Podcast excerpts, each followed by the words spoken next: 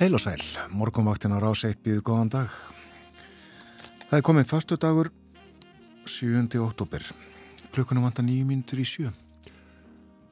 Og eins og þulur gatum umsjónamenn þáttarins þennan morgunin Björn Þór Sigbjörnsson og Gíja Holmgirsdóttir. Við hugum að veðrinu lítið svalar á landinu svona að jafnaði heldurinn var í gær og uh, vintraðin víða í kringum 5 metra á sekundu en sumstaðar meiri, sumstaðar minni. Fjórastega hitti í höfuborginni, létt skíjað, 5 metrar á sekundu norðanátt. 2 gráður á Kvanneri, 2 metrar á sekundu þar. Fjórastega hitti í Stikisholmi, all skíjað, 4 metrar, 5 gráður á Patrísfyrði og tveggjastega hitti í Bólungavík til tullega hægur vindur á þessum stöðum Þryggjastega hitti á Holmavík, fjórar gráður á Blönduósi, þrjár við Söðunarsvita og tveggjastega hitti á Akureyri. Lítilsáttar ryggning þar, sé ég.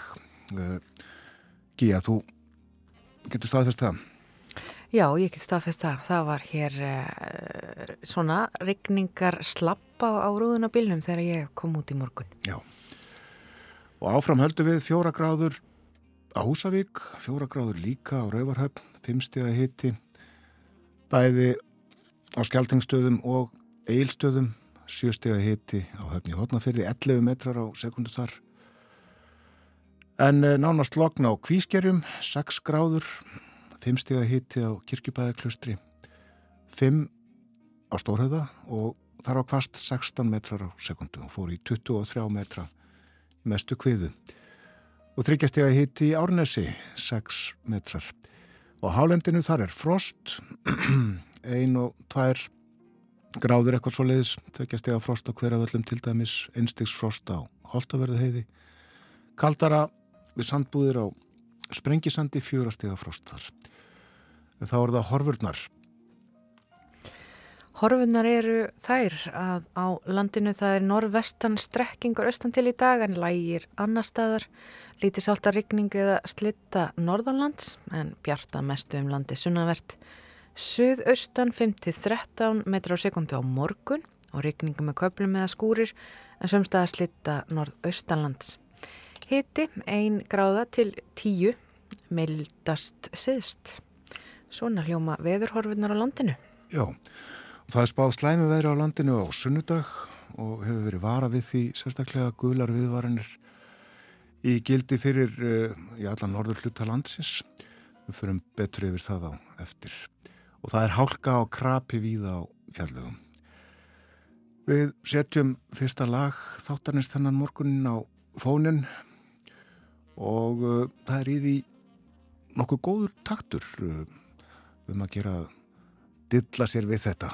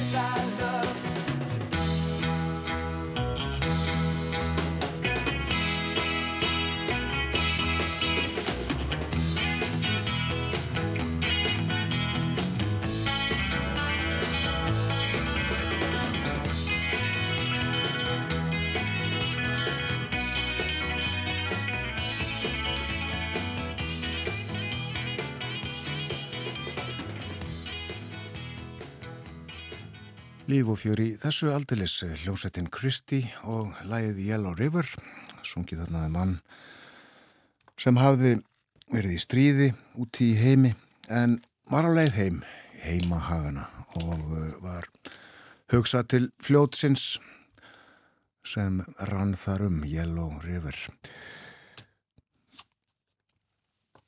Það stýttist í frettinnar hjá okkur þar kom eftir rúmar tvær mínútur þegar klukkan slær sjö en það er ímislegt á dasgrá þáttarins þennan morgunin. Við ætlum að fjalla um stjórnmál meðal annars, fáum til okkar alþingiskonu Ingi Björgu Ísaksen, hún hefur settið á þingi fyrir framsóknarflokkin núna í eitt ár, rétt rúmt ár frá síðustu kostningum. Hún var áður í bæjamála pólitíkinni á Akureyri. Nú svo ætlum við að fjalla um uh, konu Ídu Fæfer sem að kom í heimsókninga til hans 1845 og skrifaði bók um ferð sína og hún er núna komin út meira um þá heimsókn og ítu fæfer á eftir. Og menningamál líka til um fjöldunar við ætlum að forvittnast um menningalífið á Östurlandi, gjörföllu Östurlandi lefið ég meira að segja. En hér eftir fréttunar þá förum við ítalegar yfir dagskrá þáttarins og við fjöllum þá líka stuttlega um Lorettu Linn og uh, aldrei að vita nefnum við fáum góð ráð frá Helgu Sigurðardóttur.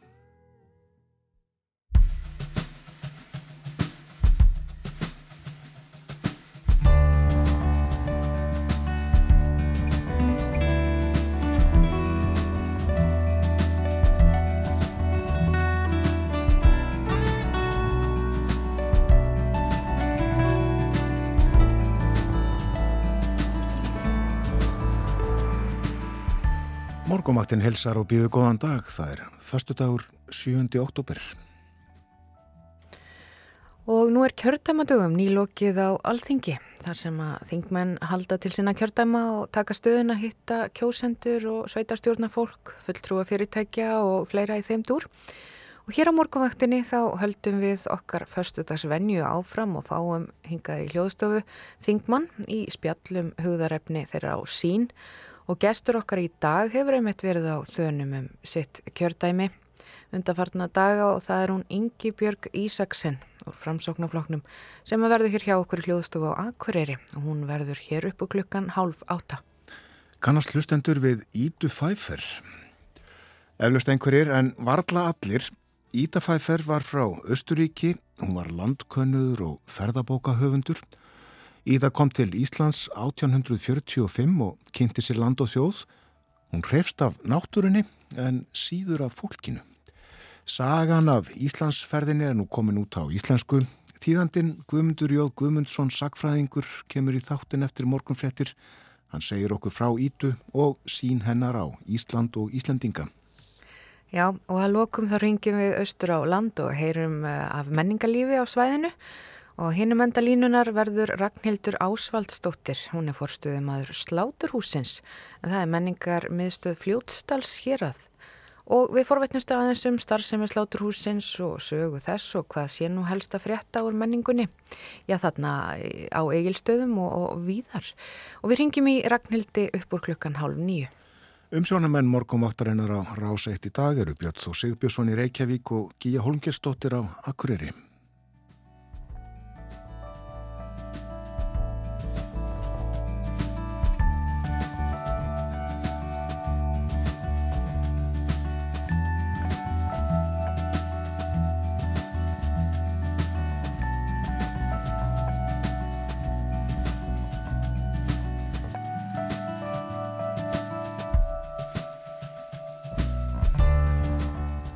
Verður ágættis veður á landinu í dag og á morgun en það má segja að þetta sé loknið að undan storminum. Já, það er vetrafæri á fjallvöðum uh, í dag um, og það er full ástæði til að huga vetradekkjum eins og kom fram hér í fréttum. En ég les hér upp úr huglegingu veðafræðings. Það verður norðvestan strekkingur austan til á landinu í dag en það lægir í öðrum landslutum. Dálítið regninga slitta með köplum norðanlands en bjartað mestu um landi sunnavert. Hiti 1-10 stig, mildast siðst. Og á morgun kemur lægð inn á Grænlandsaf, henni fylgir söðarstan kaldi eða stinningskaldi og regning með köplum eða skúrir. Hiti 3-9 stig yfir daginn. Norðaustalands verður heldur svalara og þar geti úrkoma fallið sem slitta. Ef við kíkjum hérna yfir á sunnudaginn, þá verður lægðin við austuströndina Það verður lagði á og dýfkar ört. Þá er útlitt fyrir að það gangi í norðan kvassviðri eða storm með mikill slittu eða stjónkuma á norður og austurlandi. Og það verður ekkert ferðaveður þá ef að líkum lætur og um að gera að huga vel að, já, að uh, dekja skiptum og, og, og fylgjast með viðspá. Já, stormur, þetta eru nýju gömulvindstig en uh, í metrum og sekundu, uh, 20 til 25 eitthvað svoleiðis. Og hvaða áhrif getur slíkur vindræði haft? Jú, lítilsátt að skemmtir á mannvirkjum og varðla hægt að ráða sér á bersvæði, glóruleg spilur uh, snjóar. Ég hef þetta af uh, síðu viðstofunar. En við lítum í blöðin og uh, bæði morgunblæðið og fréttablæðið tóku myndir við mentaskólan í Hamrallíð í Reykjavík í gær þar sem nefendur gengu út úr kennslustund og nefnendur framhaldsskóla um alland gerðu það til að mótmæla, mótmæla því hvernig eh, bæði skólaeföld og yfirvöld almennt hafa tekið á kynferðisbrótum. Og uh, þá voru hundru nefnda þarna fyrir utan MH í gerð og haldnar ræður kraftniklar aldeilis og fórsíður hrettablaðsins er mynd sem að Uh, sínir yfir mannfjöldan en á fórsíðu morgublaðsins má sjá ungt fólk uh, líklega nefndu við skólan fallast í faðma. Munu áfram hafa hátt og krefjast breytinga segir hér. Nú morgublaði segir frá frumvarpi dónsmálar á þeirra til breytingar á lögum um útlendinga. Hefur nokkuð verið fram, fjallað um þetta frumvarp og uh, hér er vitnað í greinagerðina en í henni kemur meðal hans fram að fjöldi umsóknaðum vernd hér á landi frá einstaklingum sem þegar hafa fengið vernd í öðru Evrópríki eiga sér ekki neina hliðstæðu í álfunni. Og þetta má sem sagt rekja til sér íslenskra regluna og uh, áfram segir hátt hlutfall umsókna á Íslandi frá fólki með vernd í öðru Evrópuríki hefur verið notað sem dæmi innan Schengen og hjá stofnunum Európusambandsins um þær hættur sem geta komið upp þegar ríki setja sér sérstakar málsmeðferðar og undan þá reglur. Og þetta verður sem sé rætt í þinginu á næstunni. Sætt líka frá því að uh, frakt deild Æslandir, Æslandir Cargo er að breyta og bæta flugflota sinn, hann er að fá stærri flugvilar en uh, stóra frettin á fórsíðu frettablaðsins svolítið snúin uh, þannig er að uppifa mál í höfuborginni er uh, varðaði lóðamörk, lóðastækkanir við einimil og fréttablaðið uh, falaðist eftir gögnum úr borgarkerfinu um málið, fekk gögn, en í þeim var strikað yfir öll nöfn, bæði þeirra embætismannar sem hefðu komið að málinu og eins nöfn eigenda lóðana sem að um ræðir og rætti. Og fréttablaðið vísaði málinu til úrskurðarnemdar um upplýsingamál og hverju niðurstaðan? Jú, borgin á að aðfendagögnin án útstrykana. Úrskurðanemdin segir það hafa grundvallar þýðingu út frá réttar öryggi sjónamiðum að upplýst séum nöpp þeirra sem að koma að meðferðmála í stjórnsýslinni. Upplýsingar af þessum toga gegna afar mikilvægur hlutverki til að fjölmilar og almenningur geti synd aðhalds hlutverki sínu gagvart ofnberum aðilum, segir í úrskurðin endarinnar. Og uh, það er ekki bara sem sagt uh, nöpp starfsmanna, embætismanna sem eiga að koma fram heldur uh, líka einstaklingarna sem um er fjallað. Þetta eru útsýður íslensku dagbladana en uh, Gíja, þú skoðaðir Erlandblöð. Ég hef búin að renna í gegnum Erlandu blöðin og uh, við lítum hér fyrst á bresku miðlana þá er það eitt orð sem að enginni fyrirsagnir þeirra blada í Breitlandi og það er orði blackout, ramagsleysi. En breskur almenningur gæti þurft að takast á við þryggja tíma ramagsleysi á sólarhengi vettur. Og hér á Telegraf segir að Liz Truss, þaðra, hefur neitað útiloka möguleika á viðtæku ramagsleysi í alltaf þrjár klukkustindur á dag í vettur ef landi getur ekki flutti næga orku. Og það segir hér að í versta falli þá gæti þetta fallið í sér eitthvað skonar álagslósun þar sem rafmagnir takmarkað við mismunandi svæði á mismunandi tímum. En þetta er greinilega allt saman í einhverju það er eitthvað svona óljóst hvernig þetta verður útfært en húseigundur verða bænir um að nota þvottavilar og önnur rafmagstæðgi á nóttunni til að koma í veg fyrir hugsalar tröflanir og já það geti verið sektir upp á tíu pund á dag til að hætta að nota rafmagn þegar þörf krefur En það eru orkumálinu þetta sem að hafa sett sveipsinn á fund, Evróska þjóðarleituga. Þetta er nýstofnaði vettvangur og Katrín Jakobs, Jakobsdóttir fórsettisráð þeirra, hún er þar. Og það kom fram á Facebook síðu Katrínar í gær að þessi fundu sprettur upp úr hugmynd Fraklands fórseta um að eiga pólitísk samtal innan Evrópu um framtíðina og Katrín styrði þarna ringbors umræðum og uh, það má sjá hérna á vefsíðunni, pol, uh, vefsíðunni Politico mynd frá þessum fundi þar sem eru margir jakkafattaklættir menn og nokkrar konur. Og Liströss er þarna í öftustu línu. Þá má rína svona í, í, í myndir af þessu tægi en uh, Fraklandsfórseti er þarna fyrir miðju á þessari mynd.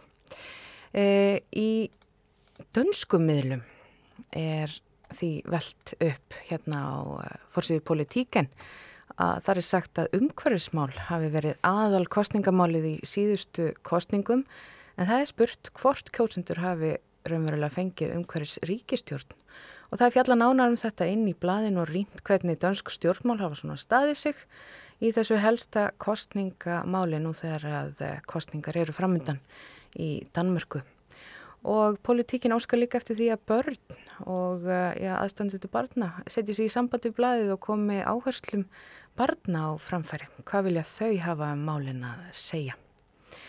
E, við skulum líta aðeins í bandarísku miðlana en þar er á fórsíðu New York Times þar er fjallað um ákvörðin bætin um að náða alla þá sem dæmtir hafa verið af allriki stjórn fyrir að hafa marihuana í fórum sínum og uh, það er áætlað að endurflokka efnið sem vægt eiturlif. Þetta tilkynnti bætir, bætin í gerkvöldi á Twitter og þetta er stór ákvörðun. En það eru þetta gríðilegu fjöldi sem að situr inn í bandarískum fangilsum fyrir slík brot og þá má ætla að þetta hafi ja, miklar, miklar afleggingar í förmið sér. En uh, það er nú líka úr uh, erlendum fréttum að það var hún Loretta Lynn sem að kvatti. Já, eh, hún lést fyrir vikunni, bandaríska sveitarsönkonun, nýraða aldri. Hún var dýrkuð og dáð og heitlaði margar kynnslóðir tónlistar unnenda, en það var ferillanarbæði langur og glæstur.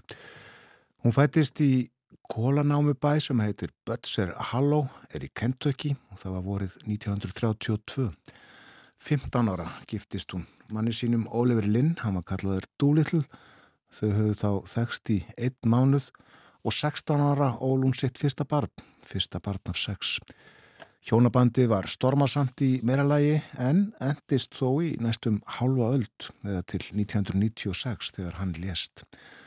Og eftir því sem ég kemst næst þá átti hún honum fátt að þakka nema börnin og gítar. Hann gaf henni fyrsta gítarin. Rúmlega tvítugstofnaði Loretta fyrst hljómsveit. Hún nefndist Loretta and the Trailblazers, Loretta og Braudriðendurnir. Og eftir að hafa vakið aðtikli í hæfleika keppni í sjónvarpi fóru hjólun að snúast. 1960 komst hún á samning hjá hljónplötu útgáfu og fyrsta stóra hljónplatan kom út 1963.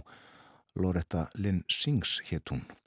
Og svo komið þær hver á fætur annari, ein, tvær og jafnvel þrjára á ári fyrstu árin og hljóðesplöturna voru um 50 áðurinn yfir laug og svo síðasta kom út í fyrra. Og hermt er að Loretta Lynn sé svo sveita söngkona sem flest verlaun og viðukenningar hefur hlotið um æfina, Grammy-verlaun, amerísku tónlistaverlunin, flytjandaverlunin, sveita söngaverlunin, hvað þetta heitir allt saman, stitturnar og skildirnir hlaupa á mörgum tögum og sama er að segja um gullplöturnar og toppsæti á vinsaldalistum. Við höfum þessi orðum Lorettu Linn ekki fleiri, við skulum hlusta á hann að syngja. Við tökum fram plötuna sem hún sendi frá sér á síðast ári.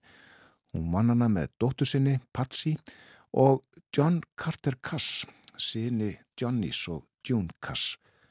Platan heitir Still Woman Enough og lægi sem við heyrum er meira en aldar gamalt og það heitir Keep on the Sunny Side.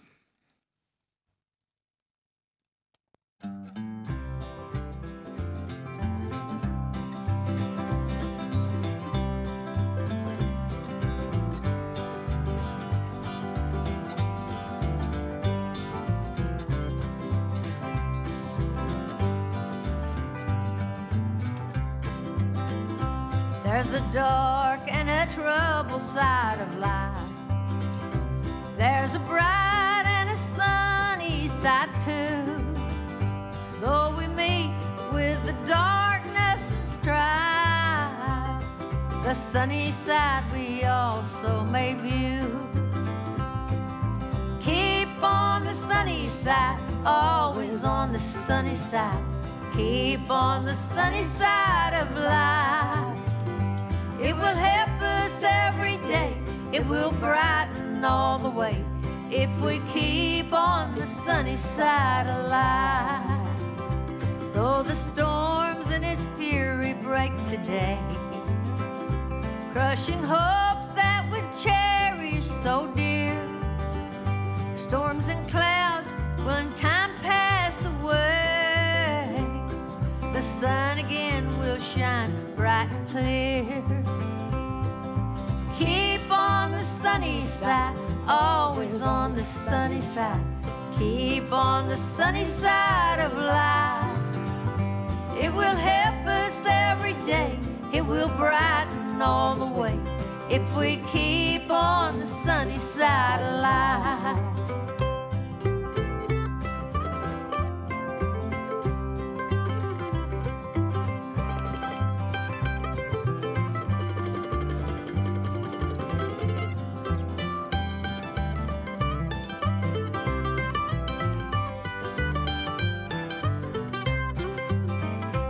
Let us grieve with a song of hope each day.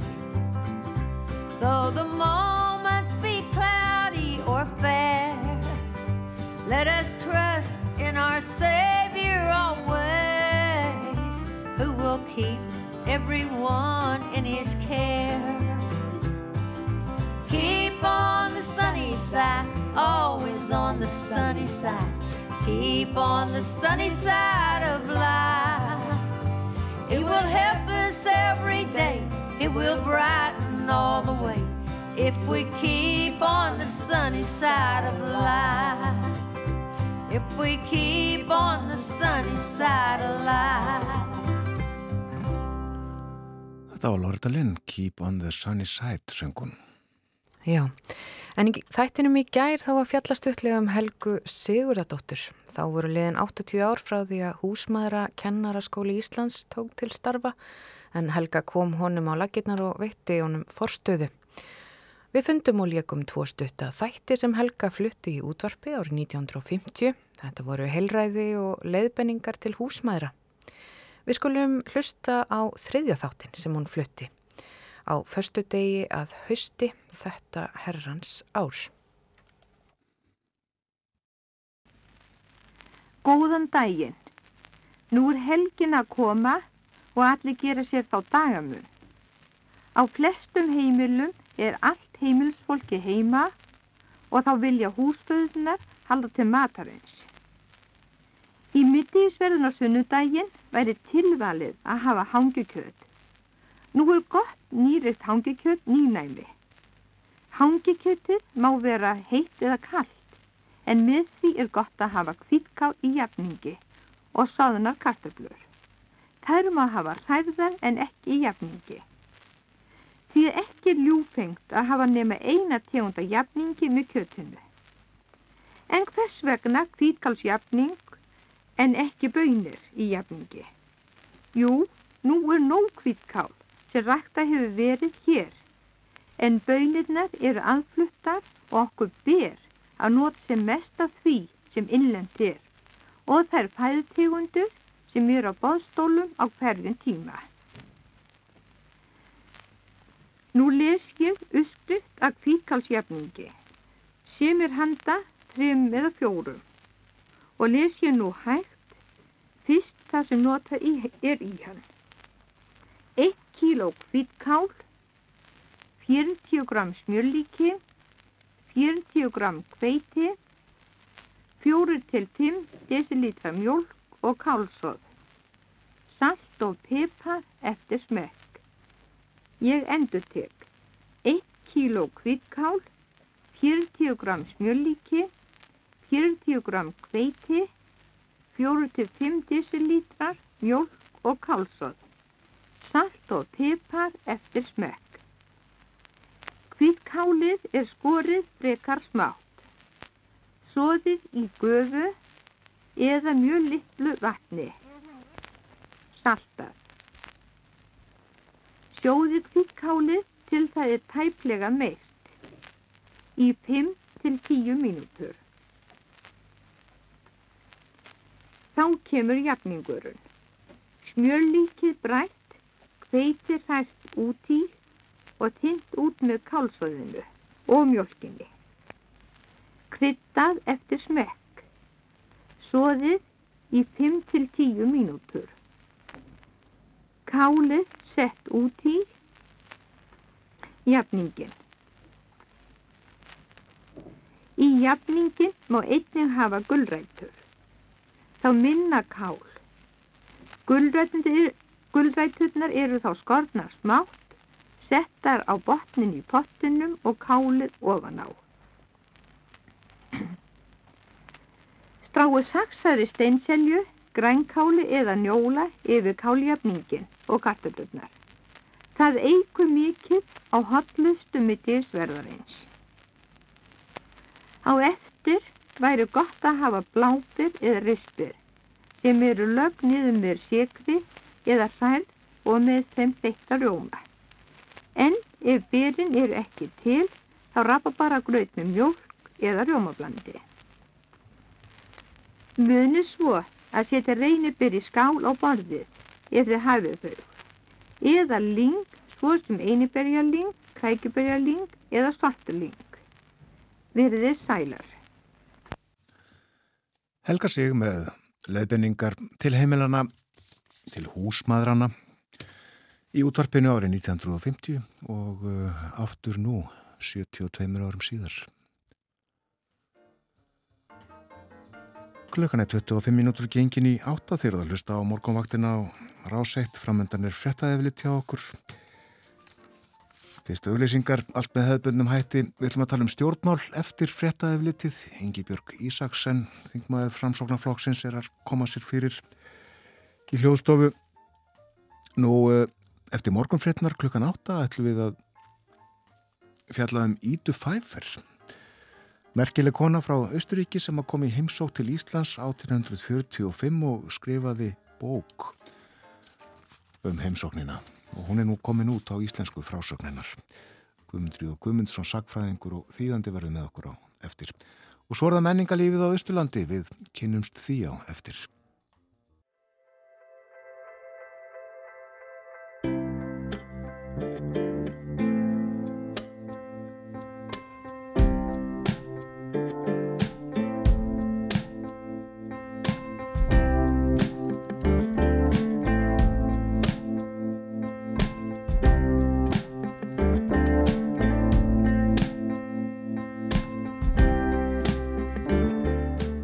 Sæl aftur þegar það hlusta á morgunvaktina á Rás 1. Það er förstu dagur í dag. Komin 7. óttúber, klukkan réttliðilega halv átta. Já, vetrar færi víða á fjallvögum og full ástæða til að huga vetrardekkjum, segir vegagerðin. Skulum fari við skeitin, hálkaðir á brattabrekku, hálku blettir á holtavörðuheiði og á vestfjörðum hálkaður á þröskuldum og á steingrimsfjörðarheiði, hálkublettir á Háldán og Dinendisheiði og krapi á veginum norður í Árnesrepp. Það er snjóþekja á Öksnadalsheiði, krapi í fljótum og á Þverarfjalli og hálkublettir á Vaskarði og krapi á hálka á Mývas og Mörudalsöðrefum og krapi einnig á Dettifossvegi. Og krapi á fjörðarheiði, hálkublettir yfir, yfir Mjóafjörðarheiði. Og svo er það veðurhorfurnar, það verður norðvestan strekkingur austan til á landinu í dag, lægir annar staðar, lítilsáttar rigninga eða slitta norðalands, bjarta mestu um landið sunnavert. Og hitti í dag að tíu stegum mildast síðst. Það er sunnudagurinn sem við höfum áhyggjur af, þá verður læð sem er að leið inn á Grænlandsaf við Östuströndina og hún mun dýpka ört og þá er útlitt fyrir að það gangi í norðan kvassviðri eða storm með mikillir slittu eða snjókomu á norður og austurlandi. Ekkert ferðaveður ef að líkum lætur segir í hugleðingu viðurfræðings. En sunnalands verður úrkomu lítið þar gæti samt sem áður orðið mjög kvast til að mynda undir vatnajökli. Nú, uh, Framöndan í þættinum í dag við förum í sláturhús upp úr hálf nýju. Ekki þó hefðbundið sláturhús þar sem að uh, gripum er slátrað heldur er þar menningarlíf í fullum gangi. Þetta er sláturhúsið á Egilstöðum, það er menningar miðstöð Östurlands. Ragnhildur Ásvaldsdóttir ætlar að segja okkur frá því sem að það er í gangi og verður í vetur. Og uh, svo er það Ída Fæfer og Íslandsferð hennar 1845. Út er komin bók um uh, þessa heimsókn hennar til Íslands þetta ár. Og hún fór um all land má segja, gerði ímislegt hitti fólk, skoðaði náttúru undur. Og hún fór meðal annars í heimsókn upp í Elliðárdal. Og tók þar húsa fólki, var bóðið inn vitanlega og í mat. Og uh, hún skrifar meðan við sátum að snæðingi heyrði ég íslenskan söng sem bast frá bæjarhúsunum. Úr fjarlagð var þetta eins og söð í bíflugum en er nær dró hljómaði söngurinn einhæfur, þunglindislegur og dragmæltur. Þegar við byggumst til brottferðar komu bóndin, húsfreyjan og vinnumennir og kvöttu okkur með handabandi Þannig að venjan að hvaðja fyrirmenni eins og voru í okkar hópi en hinn venjulega íslenska hvaðjan er rempingskoss. Meira um ítu fæfer á eftir. En nú ætlum við að tala um stjórnmál. Já, nú ætlum við að huga að stjórnmálunum og hingaði komin í hljóðveru á Akureyri. Hún Ingebjörg Ísaksen úr framsóknarfloknum og við ætlum svona að forvitnast um hennar húðarefni og sín verðtu velkomin Ingi Björg. Já, takk hjálpa fyrir. Svona til þess að byrja við, ég sagði hérna í upphæfið þáttar að nú er kjördæma dögum nýlokið og þá eru þingmenn svona á þönum um, um sín kjördæmi og þú ert hérna fyrsti þingmaður, norð-östur kjördæmis, þetta er gríðarlega viðfemt kjördæmi. Þetta er, já, þetta er svakalega stort og uh, bara margir svona, já, mismöndi hagsmunir í þessu stóra kjördæmi. Og við erum búin að vera á ferðin núna frá því á mándaginn, búin að vera að funda með sveitastjórnum. Það er þetta búið að vera mikil endur nýjinn í sveitastjórnum landsins, þannig okkur, okkur taldi að við töldum vera mjög mikilvægt að ná að setja sniður með nýkjörnum fulltrúum, bæði til þess að kynast þeim og svona að fá að heyra þeirra áherslur.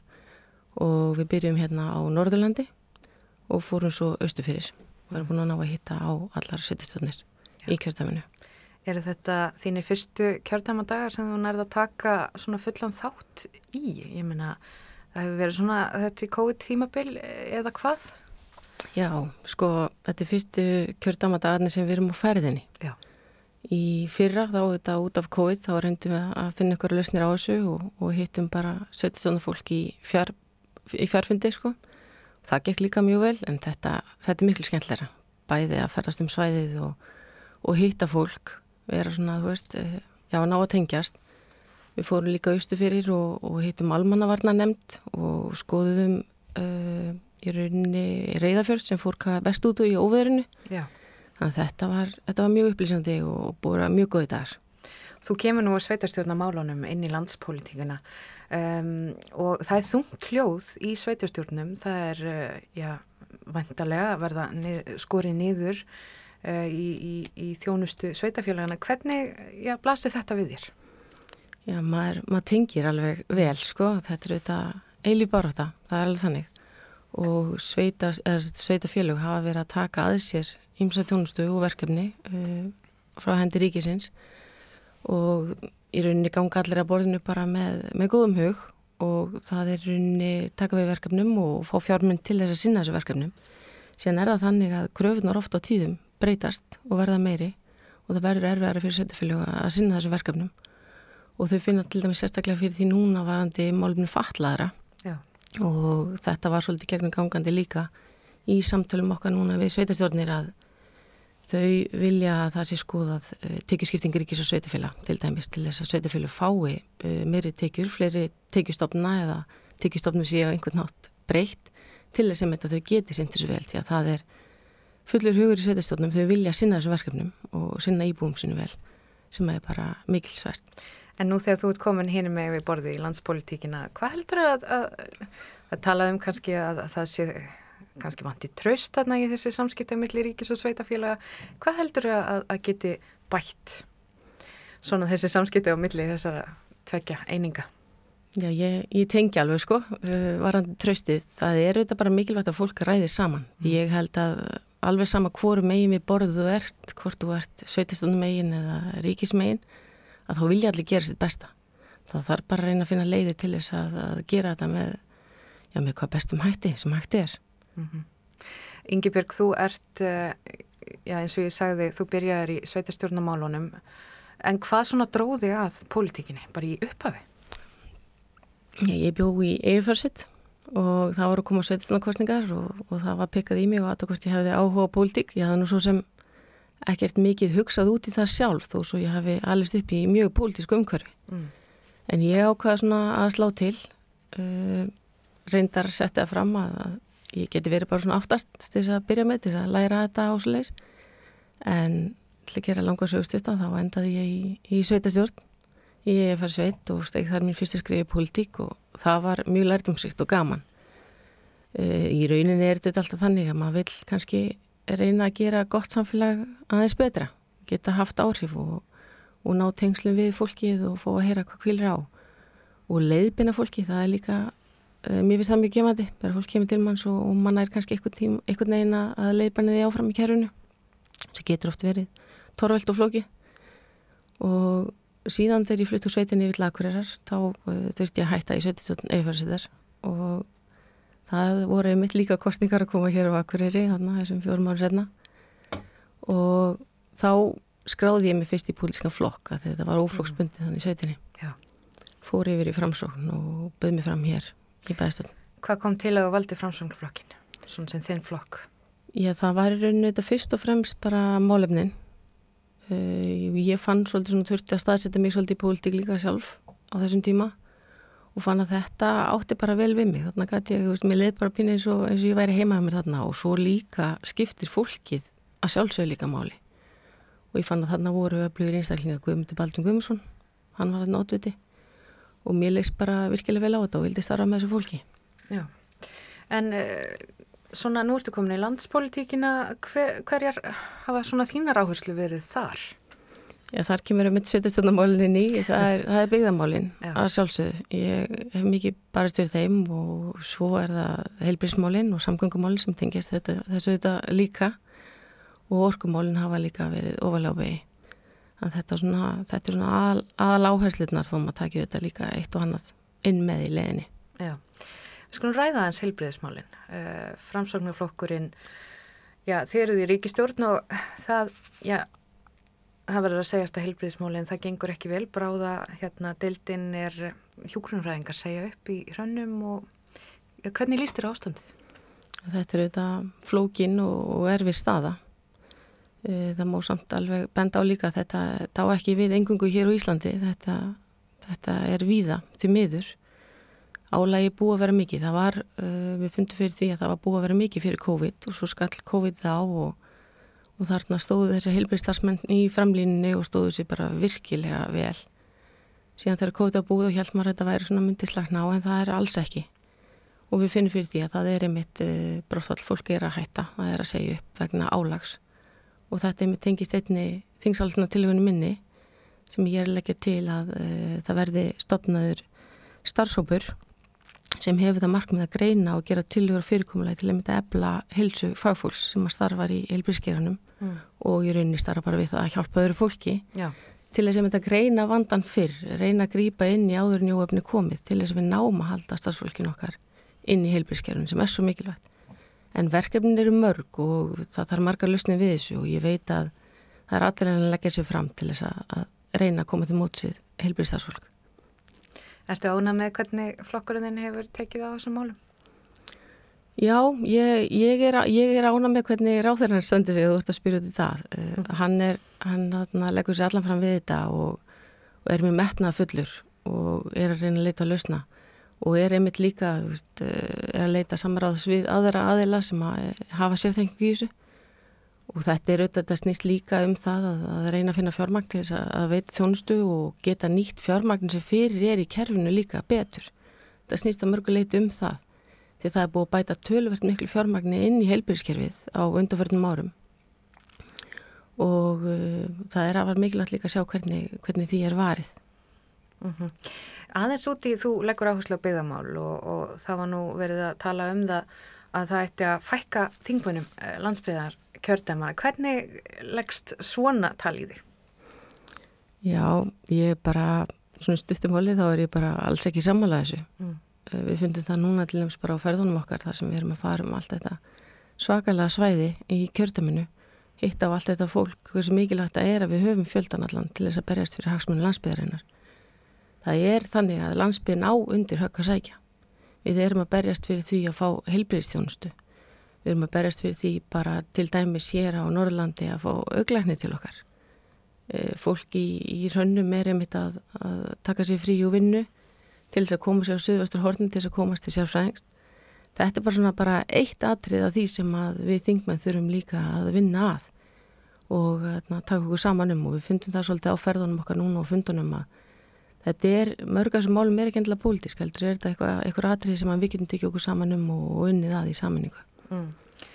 Talandum að vinna svona í saminningu, þeir fóruð hérna, já, viðsvegar um kjördæmið, þingmannir, eh, ferðist þið saman eða er þetta bara einn og einn þingmaður svona eh, á sínum bíl að rúnda um svæðið að hvernig gerir þetta?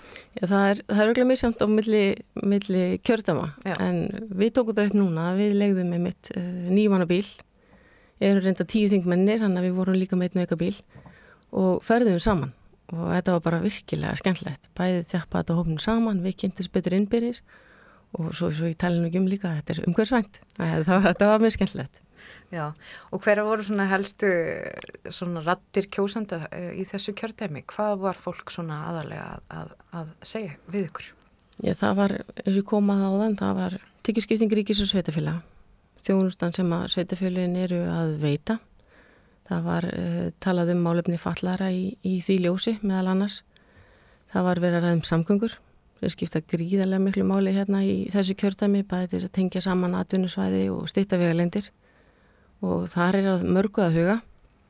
Að vera atvinnumál, orkumál, heilbyrjusmál, þetta mm. var, við fórum um víðanvöld, já, já, já, já, já, algjörlega, en þetta, þetta var samt svona rauðið þráðurinn, þá er fólk samt sem áður líka jákvægt, þó þessi þungt hlóðuði varðandi fjármögnun annað á verkefnum, já. þá er hugur í fólki og maður finnur það og það, það er fullt, fullt af verkefnum og fullt af tækifærum hér í kjörtaminu sem að ég, já, ég vona að verða veruleika, þetta, þetta er mjög spennandi. Mér langar að þess að tala við um bara það að vera landsbyðar uh, þingmaður. Þú ert með þitt heimili hér á Akureyri og ert á þingi í Reykjavík. Hvernig hagar þessu? Þetta er, þetta er smá púslispill mm. og það þurfa allir að leggja eitthvað að mörgum. Svona vennileg vika hjá mér er að ég fer á móndasmórni með flugi til Reykjavíkur og er þar með aðsettur svona út vikuna. Kem hér á, á förstu dögum svona yfirleitt ef ég næja að komast yfir helgi og næja að vera hér um helgina en, en þá næja að hitta fjölskyldinu mína og líka hitta kjósendur og, og fara á fundi og svo bara byrja vikan aftur en við fjölskyldan höfum rætt þetta saman og það er helga sem ég kemst ekki í norðu þá reyna þau að komast söti mín. Já, þannig að þetta getur verið, já, álag? Já, já, maður svo sem sækist í þetta, en þetta er vinna mín og við laðum fram í þetta og, og mér veist bara að var mikilvægt líka að, að við sem erum uh, landsbyrjar þingmenn og eigðum með verjum mestum partvikunar fyrir sunnan í vinninu okkar að við náum líka sína kjörtaminu og þá er helgarnar yfirleitt nýttar mjög vel til þess. Já.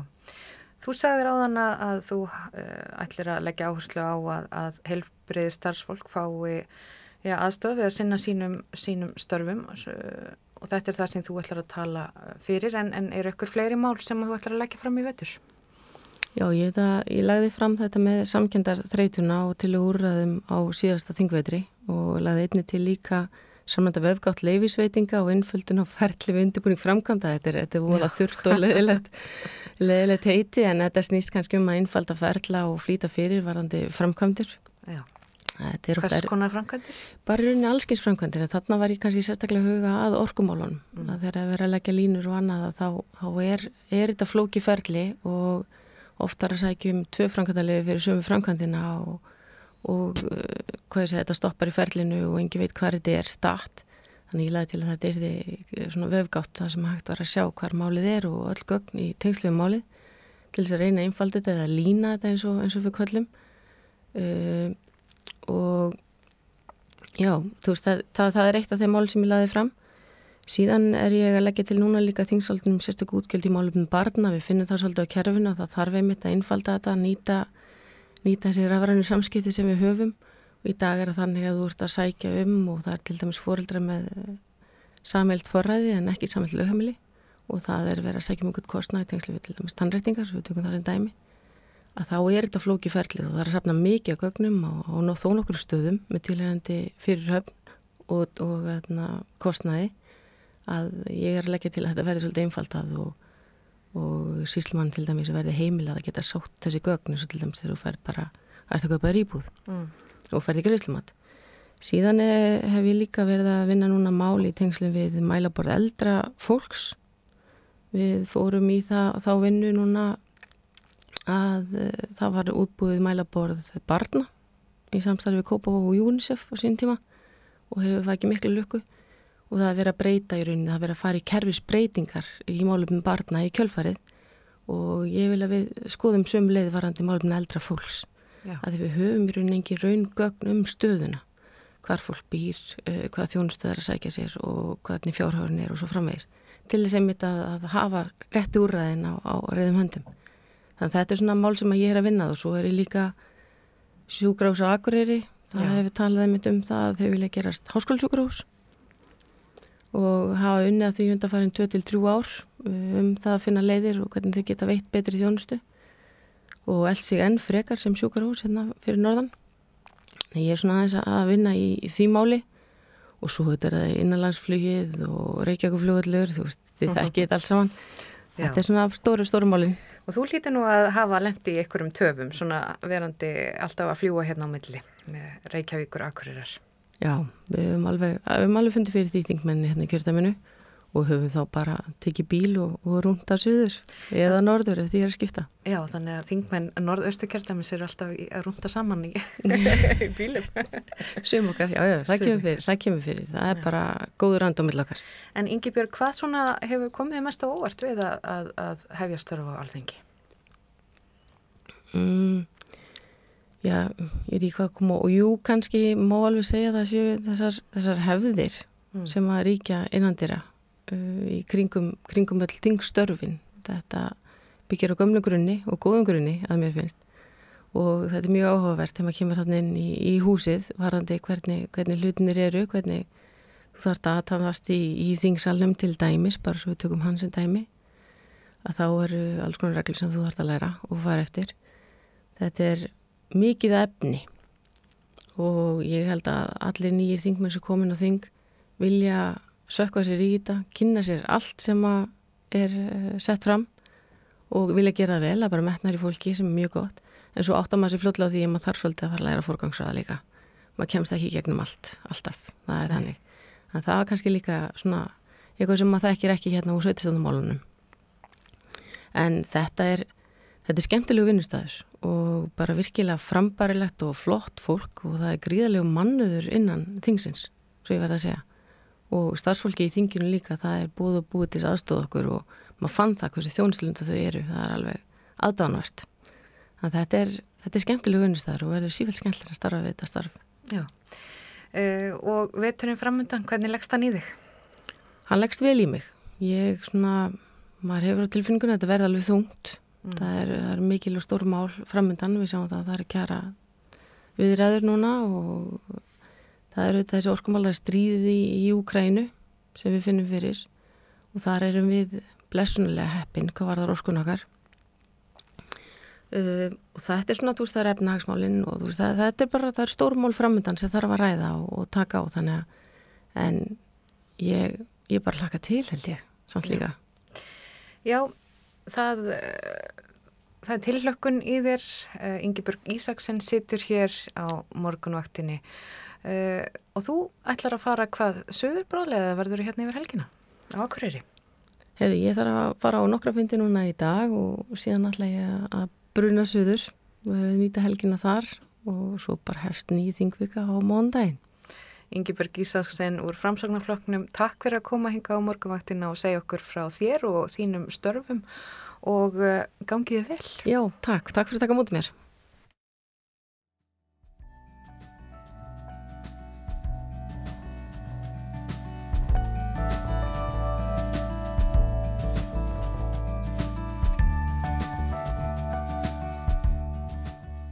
Þetta var um stjórnmálinn hér á morgunvaktinni þennan morgunin. Við þurfum að tala aðeins um fótbolta. Í gær leku Portugal og Belgia í umspili umsæti á hensmestramóti Kvenna í fótbolta sem framför í Ástralíu og á Nýja Sjálandi á næsta ári, næsta sumar. Portugal hafi betur og uh, Ísland mætir því Portugal á þrýðutæðin í næstu viku.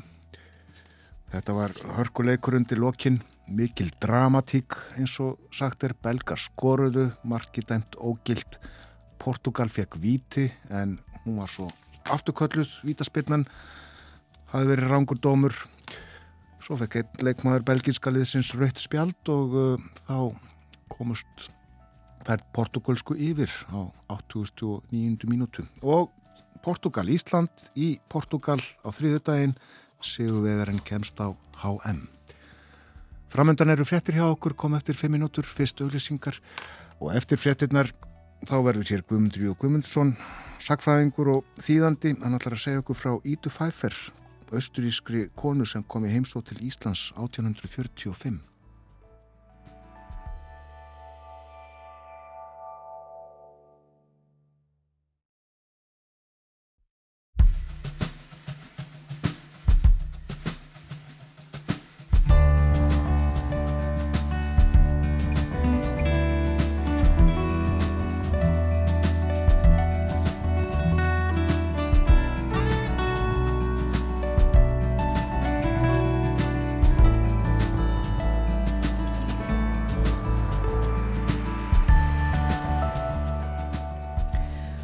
Morgunvaktin heldur áfram Í dag er förstu dagurinn 7.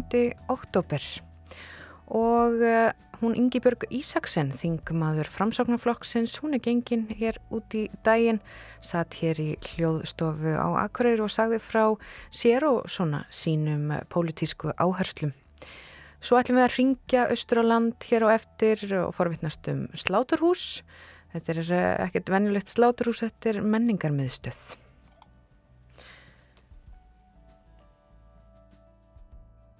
En nú að öðru. Á vormónuðum 1845 steg á land í Hafnafyrði Östurís kona, Íta Fæfer að nafni.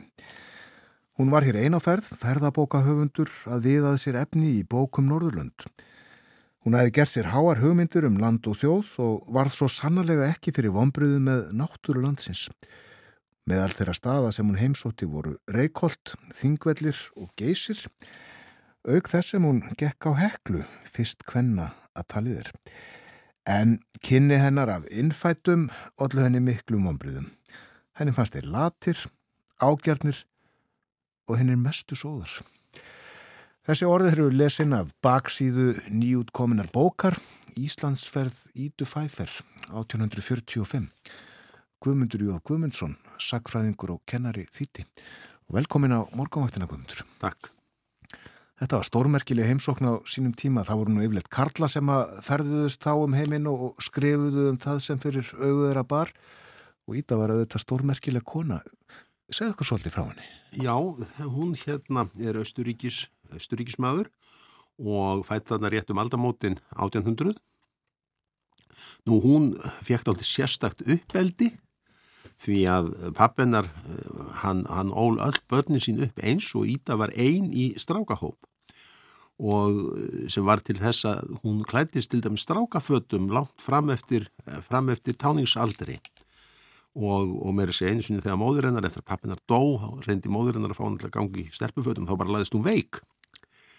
Og þetta svona engendi staldið, staldið svona hennar líf, hún var gríðarlega hörð af sér og, og, og haurökk og, og hérna hætti sér út í ímislegt sem að eh, konur hefðu nú ekki gert á, á þessum tíma.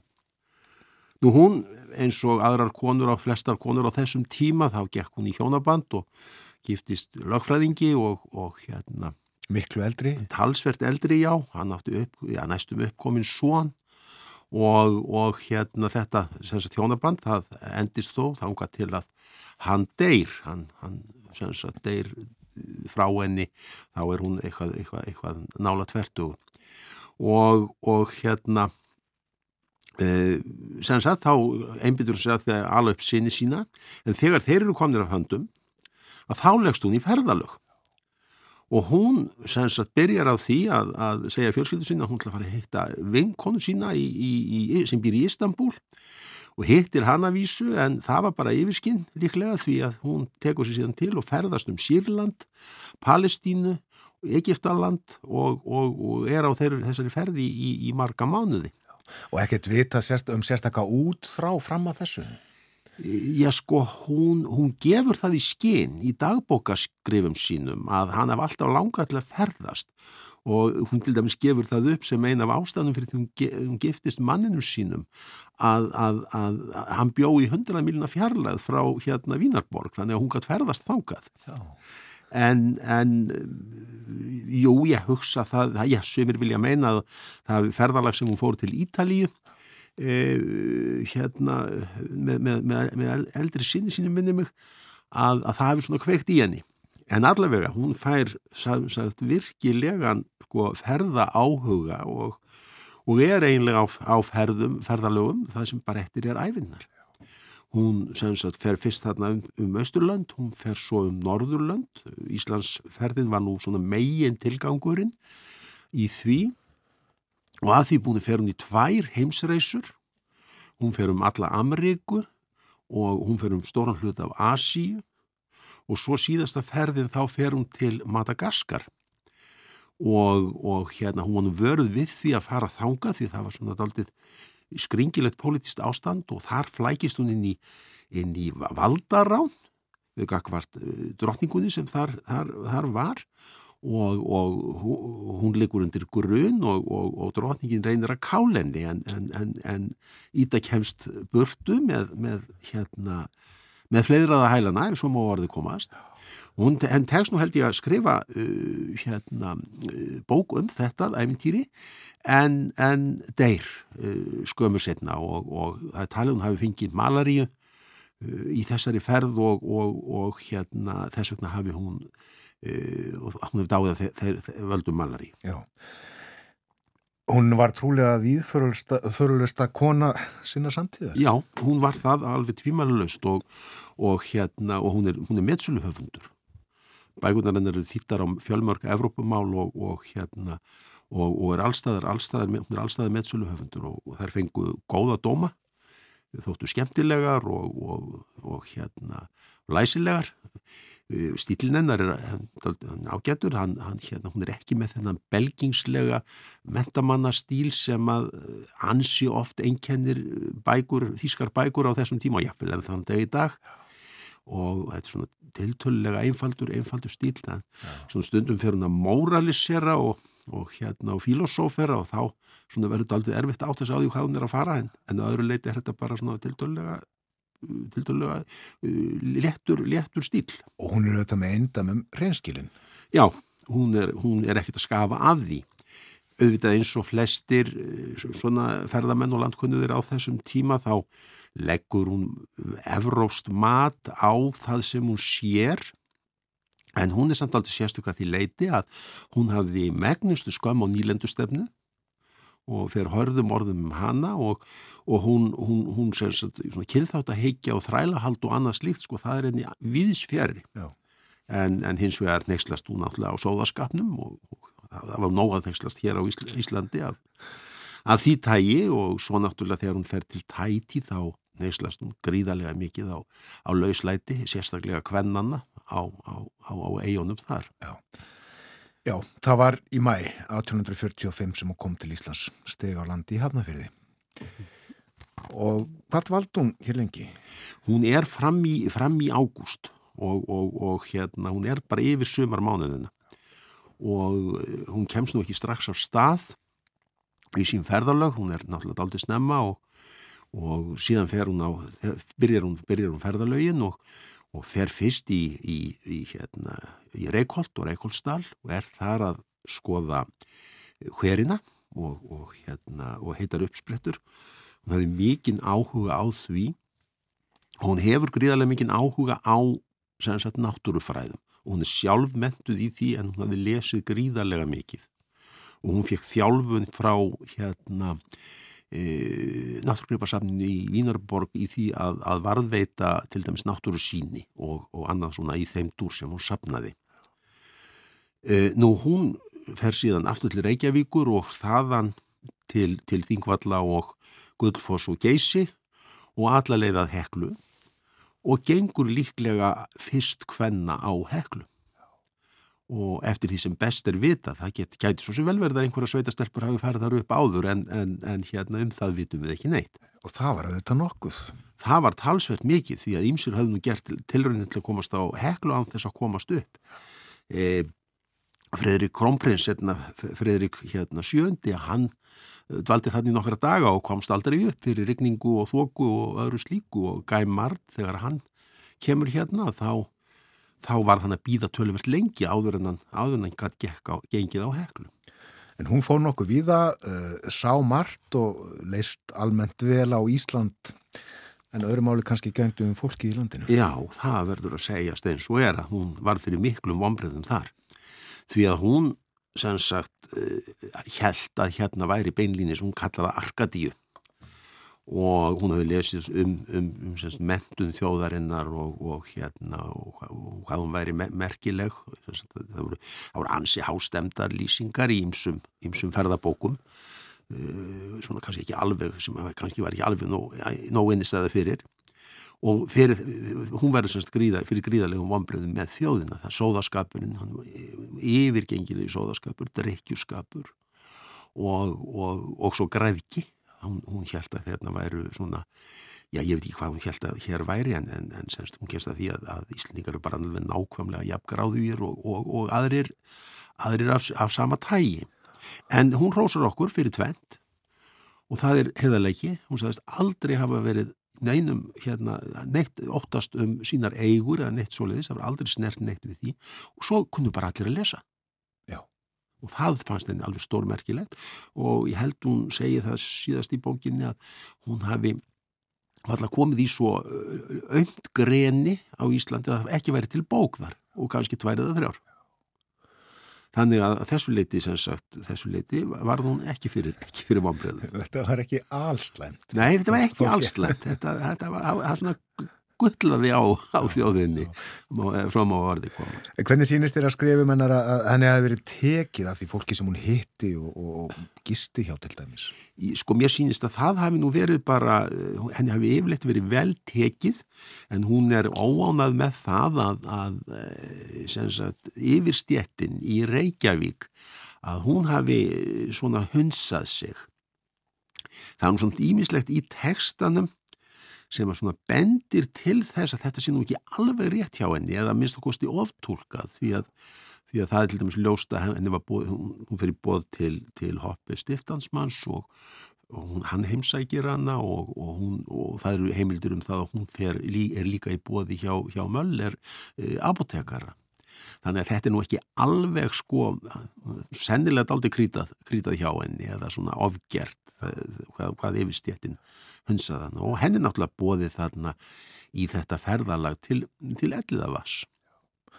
Ég lasi mitt uh, upp úr heimsókninni þóngað stutt, stutt brot áðan. En uh, hvernig var með samskipti? Við töluðu nú ekki mörg hér þýsku 1845 og hún líklega ekki íslensku. En hún talar dönsku Hún lærði dönsku? Hún lærir dönsku, það vel að hún getur haldið upp í samræðum á dönsku þegar hún er búin að vera hérna í, í nokkrar vikur. Og það er til dæmis þegar hún kemur til hérna, til, heim til Páls Melsteð, uh, síslumanns í, í hérna, í, í Árninsíslu, þá, þá hérna, þá talar hún við dætur hans og, og ræðir heilmikið við þær. Viður kennir að vísa, hún hafði kannski stundum ekki talað alveg korrétt á dönsku, en, en það er ekki alveg tala saman. Þannig að þetta er alls ekki rétt sem að til dæmis Þorvaldur Tóraðsson segir að hún hefur verið mállus Nei.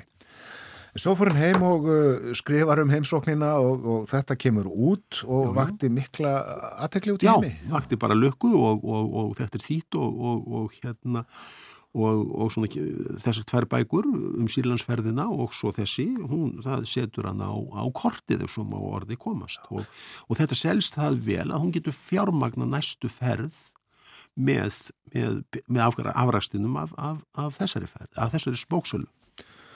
Röntuðu fréttir af útgáðu bókarinnar til Íslands? Já, gerði það. E, minnir að hafa verið 1857 þá fær Sveinbjörn Hallgrímsson hérna rittstjóri hér í bæ að, að, að hann fær bra, blað frá New York þar sem eru byrtir kablar í þessu úr bókinni, ennsku þýðingunni væntanlega og hann hérna þýðir þá og byrtir og finnst nú ekki mikið til koma.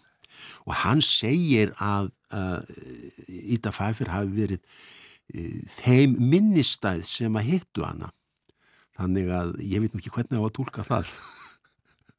Líklega verður bara hver og einn að tólka það eins og hann vil Já, en það var ekkert mikið fjallað um þetta í, í blöðum frá þessum tíma. Ég kannaði það ekki og, og bara fann, fann fátt. Já, já, það, það, er, það er alveg rétt. Hún, hún, hún þetta, þetta er ekki þetta, það er nú, sko, þegar hún kemur þarna þá held ég sé nú ekkert blað gefið út En, en það er lítið, lítið fjallað um hana og, og, og áratugin á eftir já, já, og hennar, hennar er, hennar er einstakasinnum svona, nafnið kemur upp já. á nokkurum stöðum og svo náttúrulega skrifaði nokkura greinar um hana á á, á 20. stöld, það er í fálkanum og lesbókinni og svona Einmitt. Já, við ætluðum að þeia þetta niður, takka þetta niður. Já, og ekkert að vera, ekkert vera að flagga þessari, þessari kellingur. Sko. Mart merkilegt við hana, uh, við höfum nefnt ímislegt, uh, eitt er ónefnt og það er það að uh, hún átti myndavill Já. sem ekki allir áttu þá að svita. Nei, það var nú ekki. Og sko, hún lærir að taka myndir og þarna eru á akkurat á sagt, nokkrum árum áður þá er gerð upp götuð eða sagt, uppfinning í, í, í Fraklandi, svo klæða dagar og týpur og, og hún lærir að, að já, gallharði ljósmyndar að segja maður taki ekki dagar og týpur heldur geri Já. dagar og týpur þetta er ansi mikill prósess, skilst mér. Ég, ég þekki hann nú ekki. Og hún fer með myndavélina til Íslands. Og það er vitað að hún tók tvær myndir en uh, það er fundust í, í kassa með öðrum greipum sem að afkomendur hennar áttuðum og það er til grein frá 2012 þar sem að eru myndir af þessum gripum, mörgum hverjum og meðal annars þessum myndum sem hún tók á Íslandi. Eh, en það er bara myndir af, af, af plötunum sjálfum það er ógreinileg mynd á þeirri efri og það líkja svona horun og annari er ógreinileg mynd af þeirri, þeirri efri af líklega einhverju kotinu í Reykjavík. Það er ekki hægt að átta sig alveg á því hvað það er. Og ég náttúrulega fór á, á stað þegar að, þegar að hérna, ég sá þetta og, og fór að reyna að hafa upp á þessu. En það er skemst frá því að segja að þetta er líklega aftur glatað Æg Já það er óvægt að segja það. Nú ég, ég leitaði, leitaði ráði hjá þjóðminnarsafninu og þeir gerðu tilraunir til að hafa upp á þessu og, og það er nú einhverjir aðilar hjá, hjá auðaríkisráðin komnir í þetta líka núna en, en það hefur ekkit, það, ég, ekki svo ég viti en þá hefur, hefur neitt komið, komið út úr því og, og þetta er náttúrulega aldrei merkilegt vegna þess að 1845 þá er annar ljósmyndari hér og hann er í Reykjavík um leið og Íta Fæfer. Þannig að hér eru sprángandi um götur tveir ljósmyndarar á sama tíma 1845. Henn var frakki, Glúsó, var, var steinafræðingur, minni mig, og það eru tvær myndir eh, sem hann tók hér í Reykjavík varveitar og, og þær, eru, þær eru þó allavega, allavega örukar. Svo ég veit að hann tók líka á djúbavogi einhverjar myndir, en þær eru glataða líklega. Já. Já, þetta var um Ítu, uh, uh, hún fór víða, hitti konga og drotningar og hún uh, eignaðist mannshöfuð á, á ferðalagi sínu. Það er hægt að lesa um hana Íslandsferðina þar að segja í þessari bók sem að Guðmundur Jóð Guðmundsson sagfræðingur hefur stýtt. Segð mér hér í blálókin, hvers vegna ríðastu í þetta? Ég, sko, ég rakst á þetta í, á frásögn afenni í, í tímariti sem heitir Spíkelgi Sýkt og fannst þetta áhugavert og fór að fletta og fannst svona lítið um hana. Þannig að mér fannst þetta nú eitthvað skrítið. Þannig að ég náði mér í, í bókina upp á, upp á hérna landsbókarsafn og, og fór að lesa og, og fannst þetta mjög áhugavert að, að, að þetta kemur svona dálítið svona önnur sín á, á íslensku þjóðinu annað en lofgerðarröllurnar sem að mest stundum, stundum voru hafðar uppi um okkur og, og það var sem sagt úr, úr að ég þýtti þetta þó? Og Ugla, Ugla, Jakob hjá Uglu gaf út. Akkurat munum að, að sko glögt er gessaugað. Já, já. Það er það. Já. og ég held að þessi bóksann er það. Þakka er innlega fyrir komin á morgunvaktina. Takk sem leiðis Segja okkur frá Ítu Fæfer og Íslandsferðinni 1845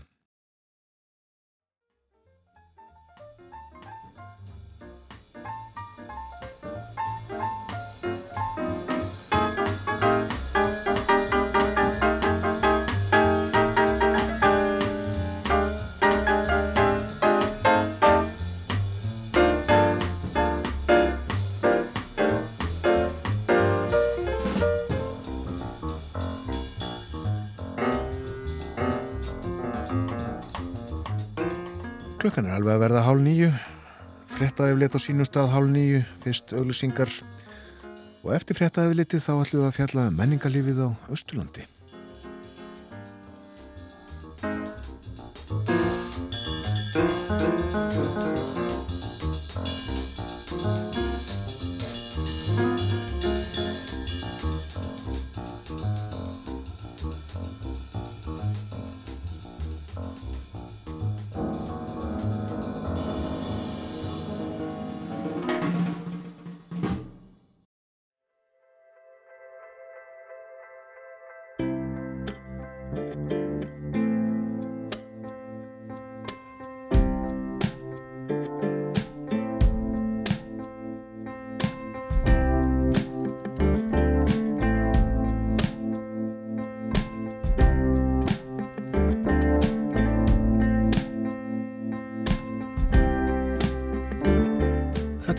Morgonvaktin á rás 1 klukkan réttliðilega hálf nýju og framöndan síðast í hluti þáttanist hennan morgunin. Það er hálka á vegum víða, krapi og jafnvel snjókoma, snjóþekja þar að segja.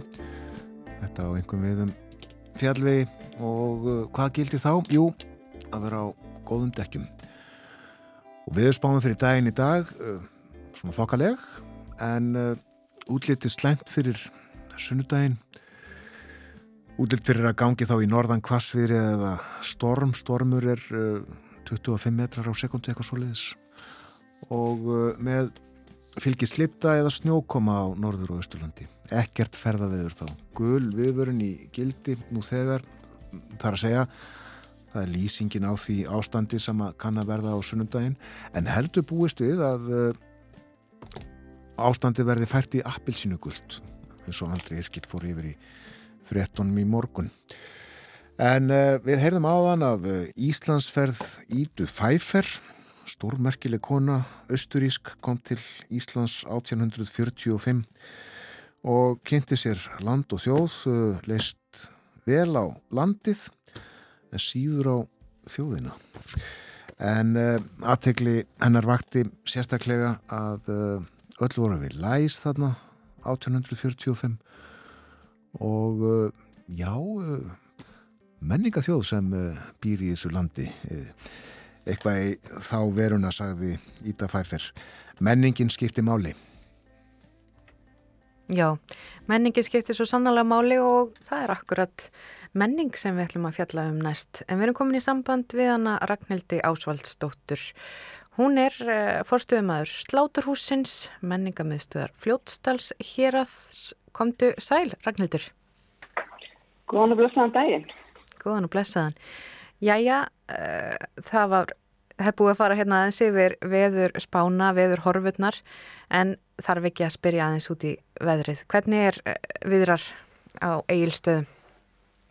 Það er nú bara alveg ágættist veður. Ég er búin að fara út með hundin og það er rigning og myllt núna en hérna, já, appisingul spá hérna bramöndan í nágruninu, þannig að maður veit ekki hvað þetta helst, helst lengi. Akkurat. En uh, ræðum aðeins um menninguna. Þú ferð þarna fyrir sláturhúsinu. Uh, já, þetta nafn vísa nú væntalega til uh, þess sem áður var í þessu húsi. Sagt, var þetta ekki sláturhús eða hvað? Jú, uh, sláturhúsið á Egilstöðum var byggt árið 1947 og það var slátraðið alveg fram á nýjunda áratíð. Uh, fljóðlega upp úr 2005 þá var það að nota það undir menningarstafsemi og uh, unglingaklúpa. Kristín Skering sem að nú stýri listasafni álmessinga var fyrsti fórstöðumæður sláturhúsins. Við köllum okkur enda sláturhússtjóra alltaf, við stálum þeim tilli. Það er góðu titill. Já, það er fyrir titill og hérna ána margir sko komið þá til að við getum breyta nafnin á húsina því að nú væri búin að gera það upp en, en mér finnst það ekki, ekki við heiði. Það er gott að tengja svolítið við postíðina. Já, og hvernig, uh, hvernig var að breyta sláturhúsi í, í menningamiðstöð? Uh, er þetta gott rými fyrir uh, menningastarðsemi? Já, þetta er orðið alveg ofsalega gott rými. Þetta hefur reyndar alltaf verið mjög skemmtilegt rými, mjög hrátt og, og, og, hérna, og margi krókar og kymar sem að hérna, hefur hægt að nota, nota. En núna er blóðlíktinn farin algjörlega. Það var svona kvarta yfir, yfir henni fyrst. Já, já. En, það, það er leiðilegra. já, en þetta er sagt, alveg orðið alveg einstaklega fínt hús. Þetta er náttúrulega langt ferli. Uh, ákverðinaferðli er kannski miklu lengra heldur en eiginlegt framkvæmdaferðli en sjálfur endurbætildunar hafa tekið tvö ár. Og það er Anna-Maria Þólustóttir arkitekturna á Ílstum sem stendur fyrir þessu sem er arkitekturna þessu og hefur gert þetta á alveg óbúslega fallegan máta. Já. þannig að hún sé tengir enda á svona við söguna. Akkurat.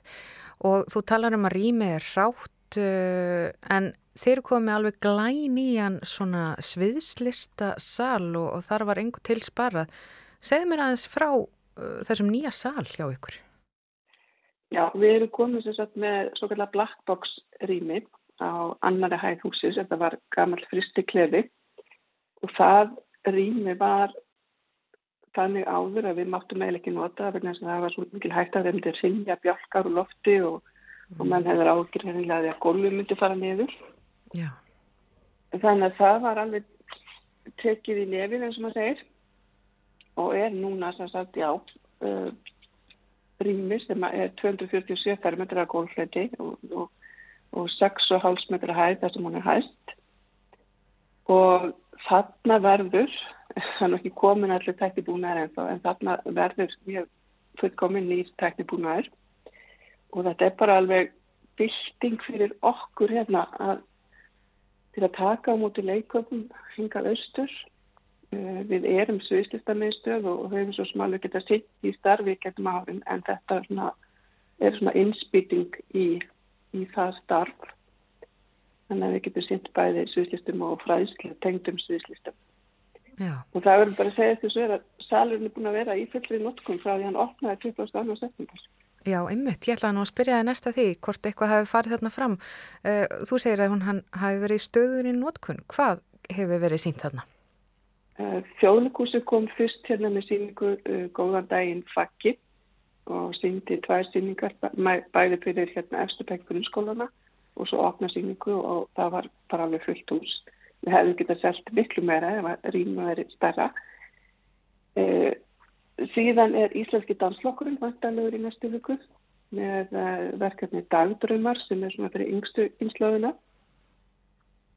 Komedíuleikusið kemur í vikunni þar á eftir og svo allar leikfélag hljópsdals hér að frumsina í húsinu í lók oktober.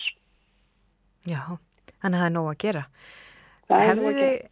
Já, hefðu þið getað tekið á móti öllum þessum hópum uh, áður en þessi salur nýji uh, kom?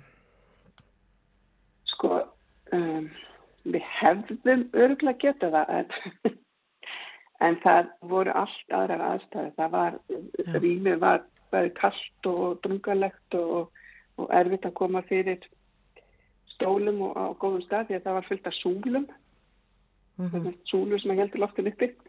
Sem er skigðu á sín en núna er sem sagt alveg opið, opið sín allan sali En mér langar aðeins að forvittnast um uh, sláturhúsi, þetta er menningamiðstuð fljótstals héras, er það ekki rétt hjá mér? Jú, það er sem sagt gamla nafnið en við kallum þetta núna sláturhúsi menningarmiðstöð. Já, eru fleiri við... menningamiðstöðar á Östurlandi? Já, það eru þrjár uh, þess að við erum sýslistarlistu síðan er skaftfell og segðisfyrir þau eru viðstöndinglista og svo er það tónlistarmiðstöðun á erskifili Já. Og er mikið samstarf þarna á milli?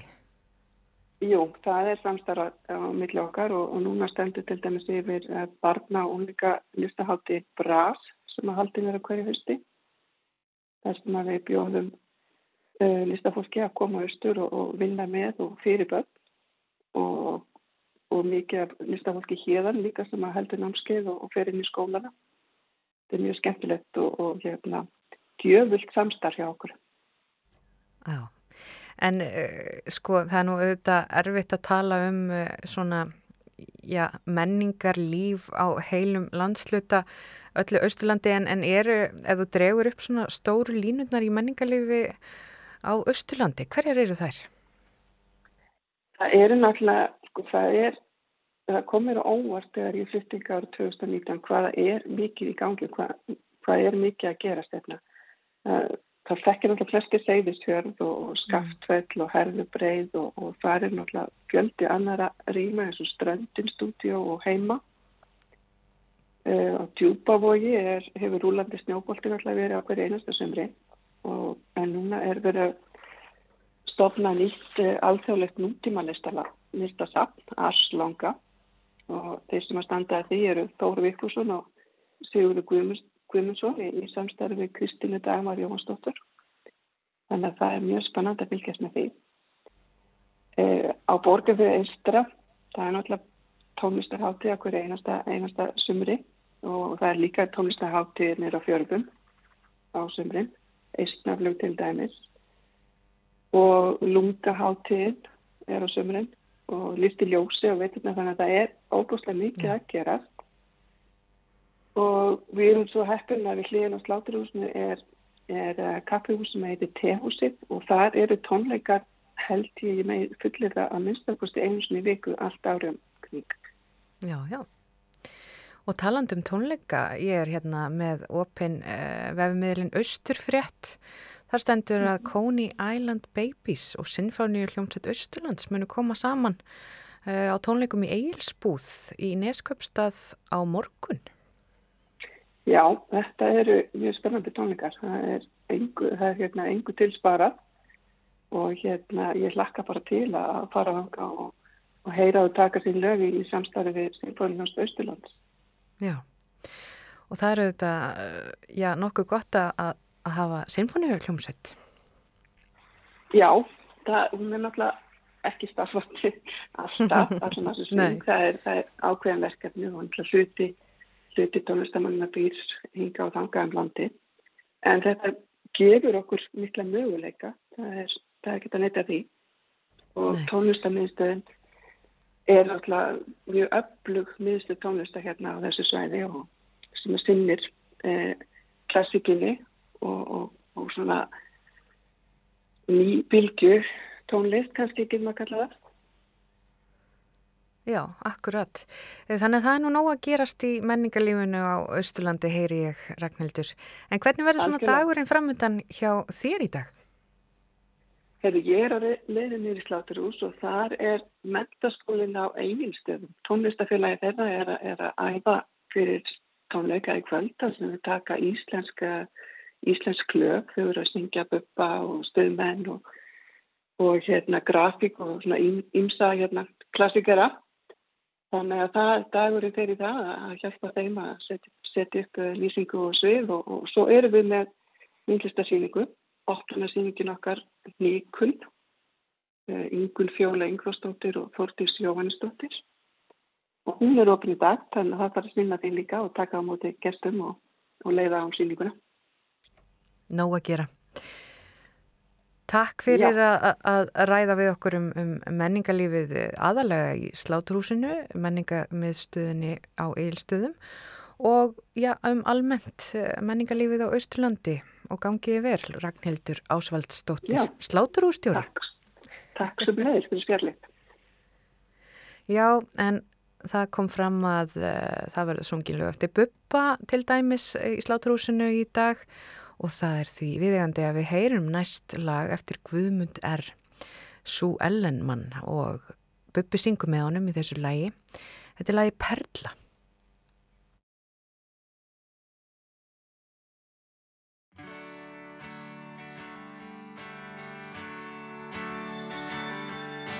Sitja þau saman í ró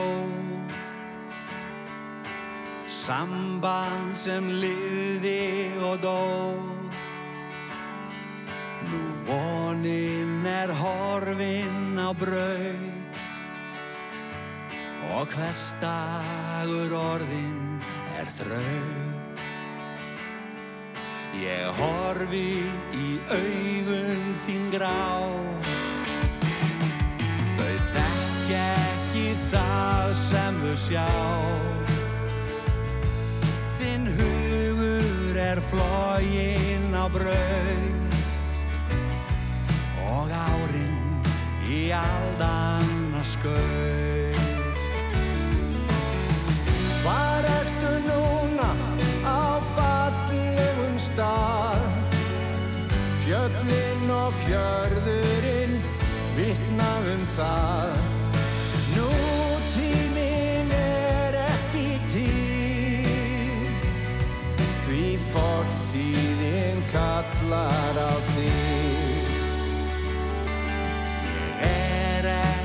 þar sem þú ert. Þú farinn, ég veit ekki hvert. Ég vona þér líði samt vel. Perla í logari sker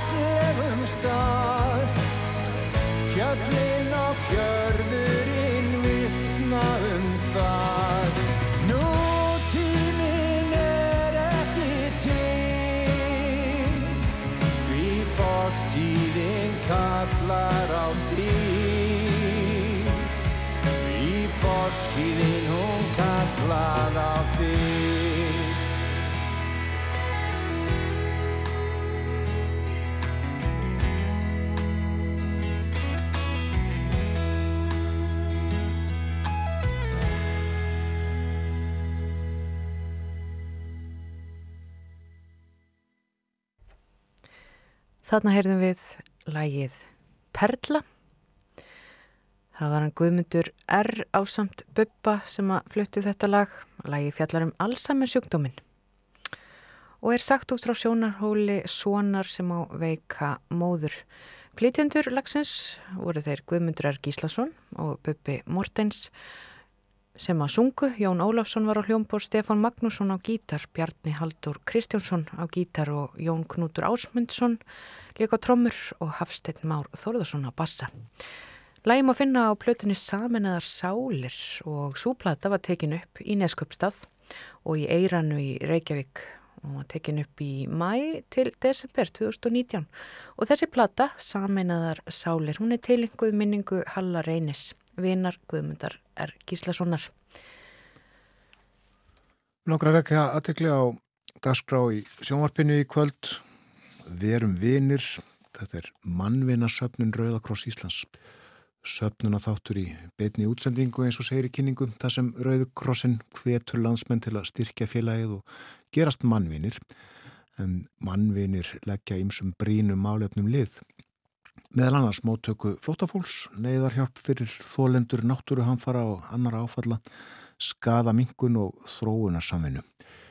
Og uh, mun fjöldi landsþektra listamanna koma fram. Kinnar eru Aldís Ama Hamilton, leikona, munum eftir henni úr svörtum söndum til að mynda. Freyr Eyjólfsson verður þarna, fjölmilamaður og tónlistamaður. Hlustendur morgumvaktarinnar þekkja hann, flutti hér Pistla, fyrst frá Fraklandi og svo Bandaríkjunum. Guðrún Sólei Gestóttir er líka kynir, Guðrún Sólei Kastljósinu og Jóhann Alfred Kristinsson, skemmtikraftur upp í standari. Í sjónvarpinu í kvöld hefst 1940 og stendur til 22 verum vinir.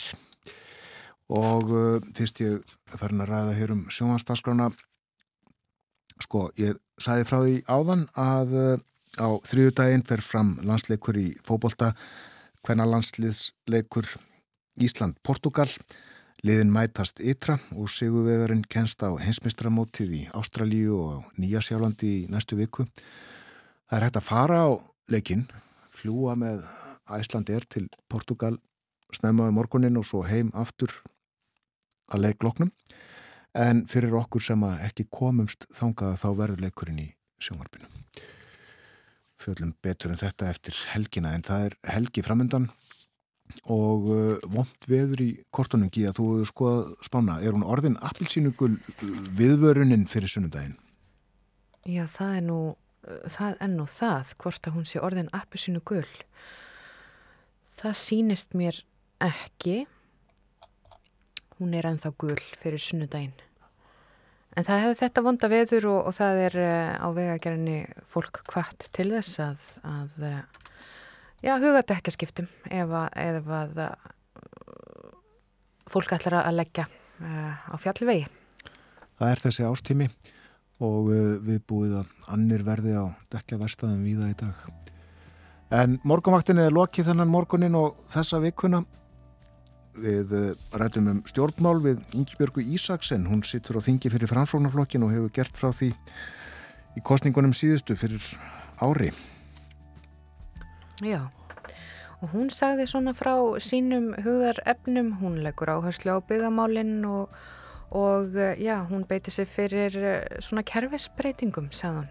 Og það, hún er nýbúin að vera hérna á þönum um kjördamið. Kjördamadagar voru nefnilega núna þessari viku. Við fjöldum líka um Ídu Fæfer, merkileg kona austurísk sem kom til Íslands 1845 og skrifaði bók um Íslandsferðina. Og uh, hana hefur Guðmundur og Guðmundsson sakfræðingur þýtt, hann var gestur hér í morgun og saði okkur frá Ídu og Íslands heimsókninni. Og hér síðast var það menningalífið á Östurlandi. Já, við ringdum í hana Ragnhildi Ásvaldsdóttur, hún er fórstuðum aðeins Sláturhúsins, það er menningamiðstöðin uh, á eigilstöðum en hún vil láta kalla sig sláturhústjóra í rauninni. Þetta er gamla sláturhúsið á svæðinu og það er búið að breyta því uh, og gera alveg ofbóðslega fínt. Það er nýr salur þar sem maður getur tekið á móti ja, nýtísku sviðslita verkum. Og uh, í dag mun hún taka á móti börnum að syngja ímiskonar lög og það er líka myndlistasýning í gangi í sláturhúsinu og ég margt að gerast bara almennt í menningalífinu á Austurlandi. Það eru til að mynda tónleikar í kvöld í Egilsbúði Neskjöpstað. Það er munu Coney Island Babies hljómsveitin og Sinfoni hljómsveit Austurlands koma fram á sameilum tónleikum. Coney Island Babies. Já. Morgumvaktin er lokið, Björn Þór og Gíja þakka samfélgina frá því snemma í morgun. Við tökum okkur frí yfir helgina verðum hér aftur á mándaginn. Við þökkum samfélgina og verðið sæl.